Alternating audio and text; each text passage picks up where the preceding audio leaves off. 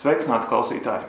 Mans vārds ir Dr. Marks Marčuks, un šī lekcija būs par jaundzimušā un zīdaiņa drošības principiem.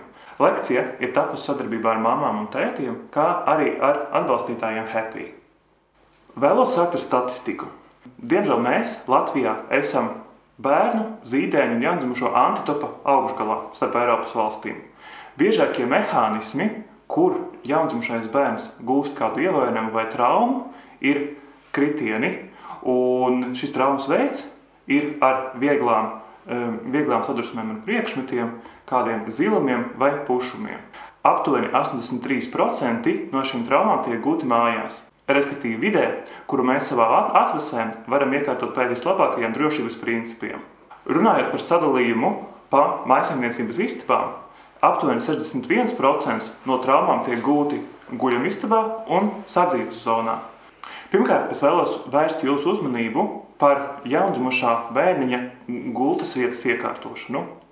Mēs vēlamies redzēt, lai bērniņa šūpulīši un uh, gultiņas netiek novietotas tuvu logiem vai siltumelementiem, vai tie būtu statiski vai arī mobīli. Ir labāk bērnu gultiņu novietot tuvāk pie sienas, kas ir atstatus no loga vai no, vai no siltumelementa, ar tādu domu, ka šajā vidē istabas temperatūra nepiedzīvos tik krasas pārmaiņas. Zīdēnīša organisma termoregulācijas spējas vēl nav tik ļoti nostabilizējušās, līdz ar to ir būtiski, lai istabas temperatūra dienas laikā būtu stabila un bērnam komfortabla. Būtu vēlams, lai zīdēnītim gultas vietas tūmā nebūtu kādi priekšmeti, kuri nav novietoti stabili, vai arī mēbeles. Runājot par bērna pārtinamās zonas iekārtojumu, es rekomendētu novietot visus nepieciešamos priekšmetus rokas stiepienā attālumā. Tajā brīdī, kad jūs mazliet noliksiet uz pārnamā galda un vēlēsiet pārķert drēbes vai nomainīt autiņu biksītes, ir labi, ka jūs ar rokas stiepienu varat tikt gan pie, gan pie jauna bodija, pie jaunām autiņu biksītēm uh, un visa pārējā nepieciešamā. Nav vēlams, lai kādā brīdī jūs pavērstos mazliet projām no zīdēnīša, piemēram, lai dotos pakaļ mitrajām salvetēm. Un šajā brīdī zīdēnītis neviļus, bet, diemžēl, var no šīs partnerās zonas arī nokrist. It īpaši, ja mēs runājam par zīdēnīšiem, 3-4 mēneši, kad bērniņš jau sāk būt aktīvs un vēlties no muguriņas uz punci. Tāpēc būsim piesardzīgi. Jaundzimušā bērna gultas vieta ir jāiekārto pēc vislabākajiem drošības principiem. Ir vēlams, lai bērniņš gultā būtu pozicionēts pa vidu, un tajā brīdī, kad mazulīti noliekam gulēšanas gulēšanas mirklim, uh, izvēlamies pozu vai nu uz muguriņas, vai nu uz sāniem. It sevišķi līdz pirmo trīs mēnešu vecumam esam piesardzīgi mazulītim, kā gulēšanas pozu izvēlēties punci.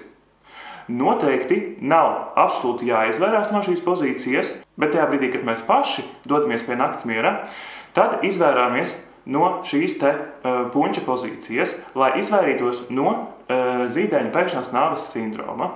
Šis sindroms ir raksturīgs jaundzimušajiem un zīdēnīšiem um, saistībā ar to, ka bērniņš vēl nespēja pats vēlties un pacelt savu galviņu. Riska faktori ir sekojoši.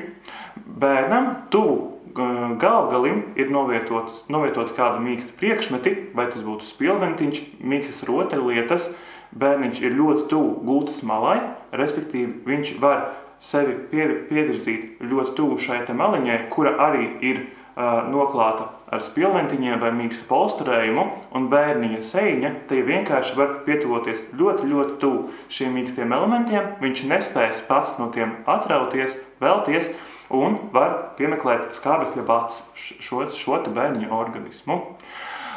Tāpēc vēlmā, vēlamais iekārtojums tiešām ir īpaši pirmajos trīs dzīves mēnešos būtu maksimāli ievērojot piesardzību. Arī tad, kad bērniņu mēs apsedzam, izvēlamies šā, tādu se, segas novietojumu, kas vairāk klātu rumpi un muguriņu, bet ķermeņa priekšējo daļu atstājam puspavērtu, lai nav tā, ka mazajam kustoties, sēdziņa kādā brīdī tās stūrītis varētu noklāt mazajam bērniņam sēņu.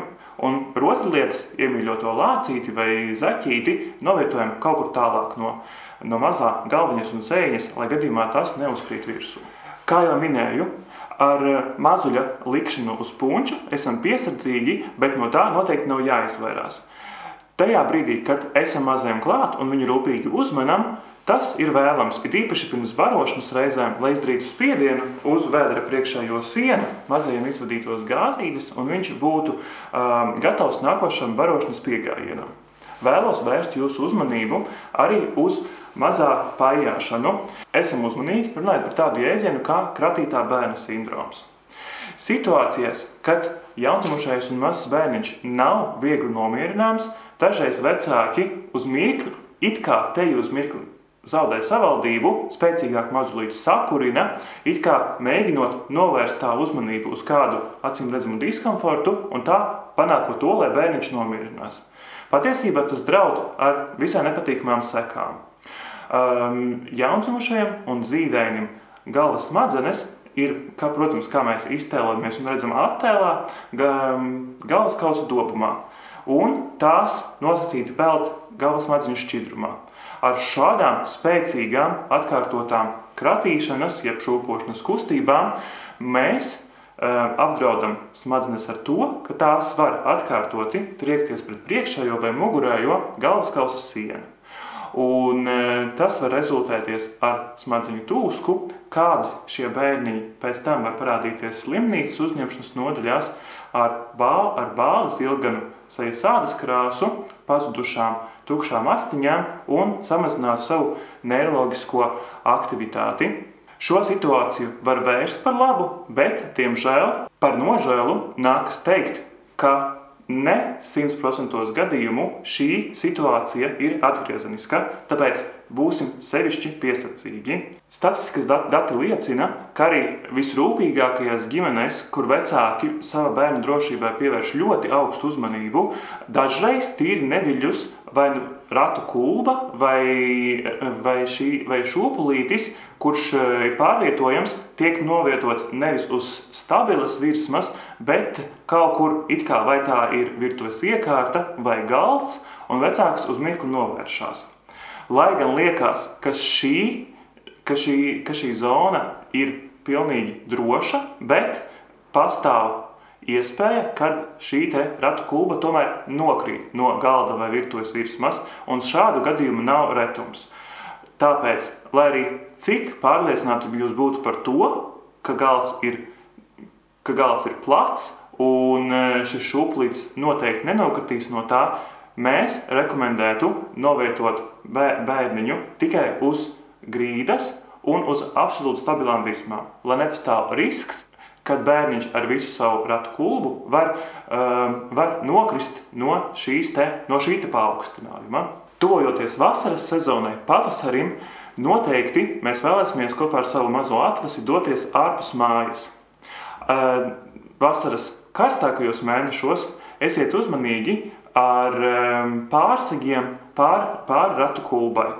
Lai gan citi vecāki uzskata, ka kāda viegla, it kā brīvi elpojoša kokvilnas drāniņa pasargās bērnu no tiešiem saules stariem, patiesībā ratu klubā tiek panākts pretējs efekts.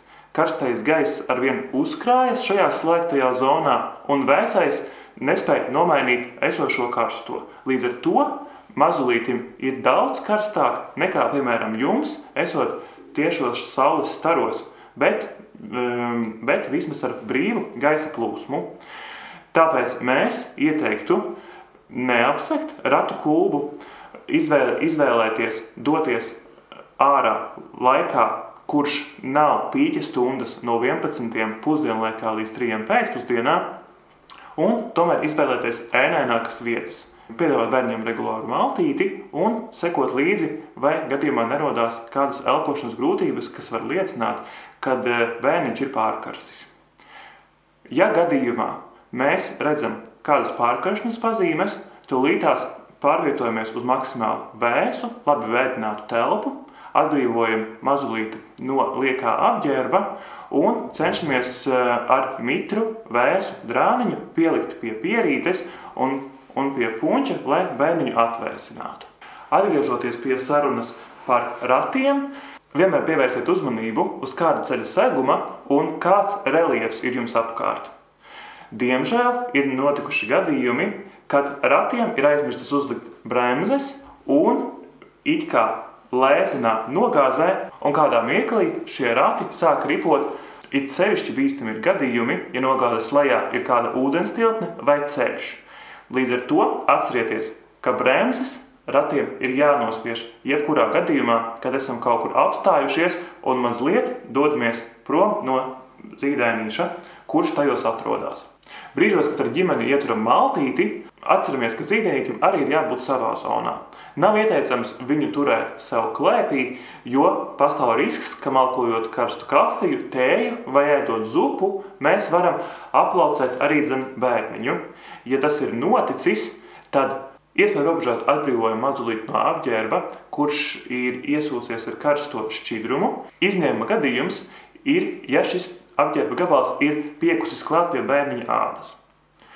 Pēc tam, kad apģērbs jau ir novilkts, skalojam cietušo ādas zonu ar vēsu ūdeni. Ūdens ir vēlams, bū, ūdenim ir vēlams būt tekošam un aptuveni 15-17 grādi pēc Celsija. Šo, šo skalošanu ir vēlams turpināt vismaz 15-20 minūtes. Pēc tam sazināmies ar mediķiem par tālākām palīdzības iespējām. Cietušo ādas zonu varam pārklāt ar tīru, tīru vēsu un samitrinātu drāniņu. Esam piesardzīgi ar pūšļiem, kas var veidoties, tos noteikti, noteikti nepārturam. Un nesmērējam uz cietušās ādas zonas nekādus it kā tautā zināmus līdzekļus, kā piemēram sviestu vai, cit, vai, vai citus krēmus. Vislabāk šo zonu vienkārši ir pārtīt ar tīru, vēsu, samitinātu drāniņu. Sarkanie karoģi aplaucējumu gadījumā ir, ja ir cietusi seiņa, starpenes rajons, Šis aplaucējums ir cirkulārs, piemēram, ar prociņu vai kājiņu. Ja ir mainījies zīdaiņa, eh, ja ir mainījusies zīdaiņa uzvedība, bērniņš kļūst miegains, apātisks, vai arī rodas priekšstats, ka varbūt ir cietuši elpceļi. Runājot par drošību vannas istabā, protams, neatstājam mazulīti vannā ne uz brīdi vienu pašu, vai arī kopā ar lielākajiem brāļiem un māsām, jo arī viņi nespēs sniegt adekvātu palīdzību, ja gadījumā kādā brīdī mazais bērniņš būs zem ūdens. Atceramies, ka vannām vispirms ir jāpārbauda temperatūra. Šobrīd ir nopērkami ļoti daudz un dažādi termometri, kuri norāda adekvātu bērna ādai piemērotu temperatūru, kad mēs mazulīt varam likt un vannot. Ja šāds termometrs nav pieejams, citās vannās jau ir iestrādātas šīs ūdens indikātora uzlīmes, ar beidīgajām sarkanām, sarkanajām vai smaidīgajām zaļajām sēņām, kurš arī var palīdzēt jums saprast, ka temperatūra ir bērna ādai patīkama. Vēl mēs varam pārbaudīt ūdens temperatūru nevis ar savu plaukstu, kur šie siltuma receptori atšķirsies no bērna ādas, bet gan labāk ar elkonīti. Ja šī ūdens temperatūra būs patīkama mūsu elkonim, visdrīzāk tā būs piemērota arī bērniņam. Runājot par drošību automašīnā, būsim piesardzīgi sevišķi gada siltajos mēnešos, jaundzimušu bērniņu atstāt automašīnas salonā vienu pašu ar aiztaisītām durvīm un logiem. Tajā brīdī, kad paši esam piemēram devušies kaut vai uz tām pašām piecām minūtēm līdz veikalam, atceramies, ka bērniņu atstāt automašīnā nedrīkst. Automašīnā salons spēj ļoti ātri iekarst, un gaiss vairs nebūs piemērots bērnu elpošanai. Tas būs mitrs ar augstu temperatūru, un šādi bērniņu diezgan ātri piemeklēs elpošanas grūtības. Viņa elpošanas kustības un muskulīši nav tik ļoti spēcīgi kā mūsējie. Līdz ar to ātri zīdēnīša organisma rezerves izsīks un bērniem kļūst patiešām grūti. Vislabāk zīdaiņa autokrēsliņu ir novietot nevis uh, autovadītājiem blakus, priekšpusē, bet gan kādā no aizmugurējām sēdvietām. Šeit, protams, ir trīs varianti, un mēs iesakām sēdeklīti novietot nevis aiz autovadītāja un pa vidu, bet gan aiz blakus sēdētāja. Ja gadījumā notiek ceļu satiksmes negadījums un automašīnu sadursme, šī ir pierādīta kā visdrošākā vieta, lai bērnam, bērnu pasargātu no lieka traumu riska. Gadījumos, ja jaundzimušais vai zīdainis ir aizries, mums ir jārīkojas operatīvi un nekavējoties. Pirmkārt, ir jāsaprot, vai aizriešanās ir rezultējusies ar efektīvu vai neefektīvu klepu. Labākajā gadījumā klepus būs efektīvs, bet neefektīva klepus gadījumā ir jārīkojas aktīvāk, jāsāk bērnam palīdzēt gan ar muguras uzsitieniem, gan kruškubju masāžām. Vairāk par palīdzību jaundzimušajiem un dzīvējiem aizrīšanās gadījumā jūs varat iepazīties video materiālā, kura links jums būs redzams paralēli šim video materiālam. Gadījumos, ja ir notikusi nelaime, ir vairākas alternatīvas, kur mēs varam meklēt palīdzību. Pirmais ir jūsu ģimenes ārsts. Ģimenes ārstam it īpaši šajos laikos mēs varam lūgt palīdzību arī attālināti telefonu konsultācijas veidā. Vai lūk, lai ārsts ierodas pie jums, ja palīdzības sniegšana nav tik ļoti akūta. Otrs risinājums ir ģimenes ārstu konsultīvais tālrunis. Tālruni jūs arī varat redzēt šeit attēlā. Ja ģimenes ārsts nav pieejams, tad meklējiet informāciju par to, kur pēc jūsu dzīvesvietas ir tuvākais dežūrārsts, kurš principā sniedz tos pašus pakalpojumus, ko jūsu ģimenes ārsts, kurš principā sniedz tos pašus pakalpojumus, ko jūsu ģimenes ārsts ārsta prombūtnes laikā. Meklējot palīdzību klātienē, jūs varat doties uz steidzamajiem medicīniskās palīdzības punktiem vai slimnīcu uzņemšanas nodaļām. Bet ir ieteicams vispirms sazināties ar konkrēto palīdzības punktu telefoniski par palīdzības iespējām, lai nerodās nepatīkama situācija, kad jūs esat ieradušies ar lūgumu pēc palīdzības, bet konkrētais, bet konkrētais medicīniskās palīdzības punkts nespēj sniegt kādu specifisku pakalpojumu. Līdz ar to ir zaudēts laiks, kurš ir ļoti dārgs. Tāpēc vispirms piezvaniet, noskaidrojiet, ar ko konkrētā iestāde var palīdzēt, un pēc tam mērķiecīgi jau dodieties pēc medicīniskā atbalsta. Protams, neatliekamās medicīniskās palīdzības dienests ar tālruni 113 arī 24 stundas diennaktī ir aktuāls, ja ir notikusi kāda trauma vai situācija, kas draud dzīves apdraudējumu. Zvanot pa tālruni 113, atcerieties nosaukt, kur ir notikusi nelaime, kas ir konkrētais situācijas scenārijs, cik daudz ir cietušo, kāds ir cietušā vecums. Neaizmirstiet, ka sarunu pārtrauc neatliekamais medicīniskās palīdzības dispečers, kuram var būt kādi konkrēti un precizējoši jautājumi par notikušo situāciju. Alternatīva ir ģimenes ārsta konsultīvais tālrunis 6601 6001. Tālrunis gan nebūs aktīvs klasiskajā darba laikā, darba dienās, no 8 rītā līdz 5 vakarā, bet vakarā visu cauru diennakti, brīvdienās un svētku dienās, kā arī naktī darba, laika, darba dienu laikā, jūs varat meklēt telefonisku konsultāciju, izmantojot šo resursu.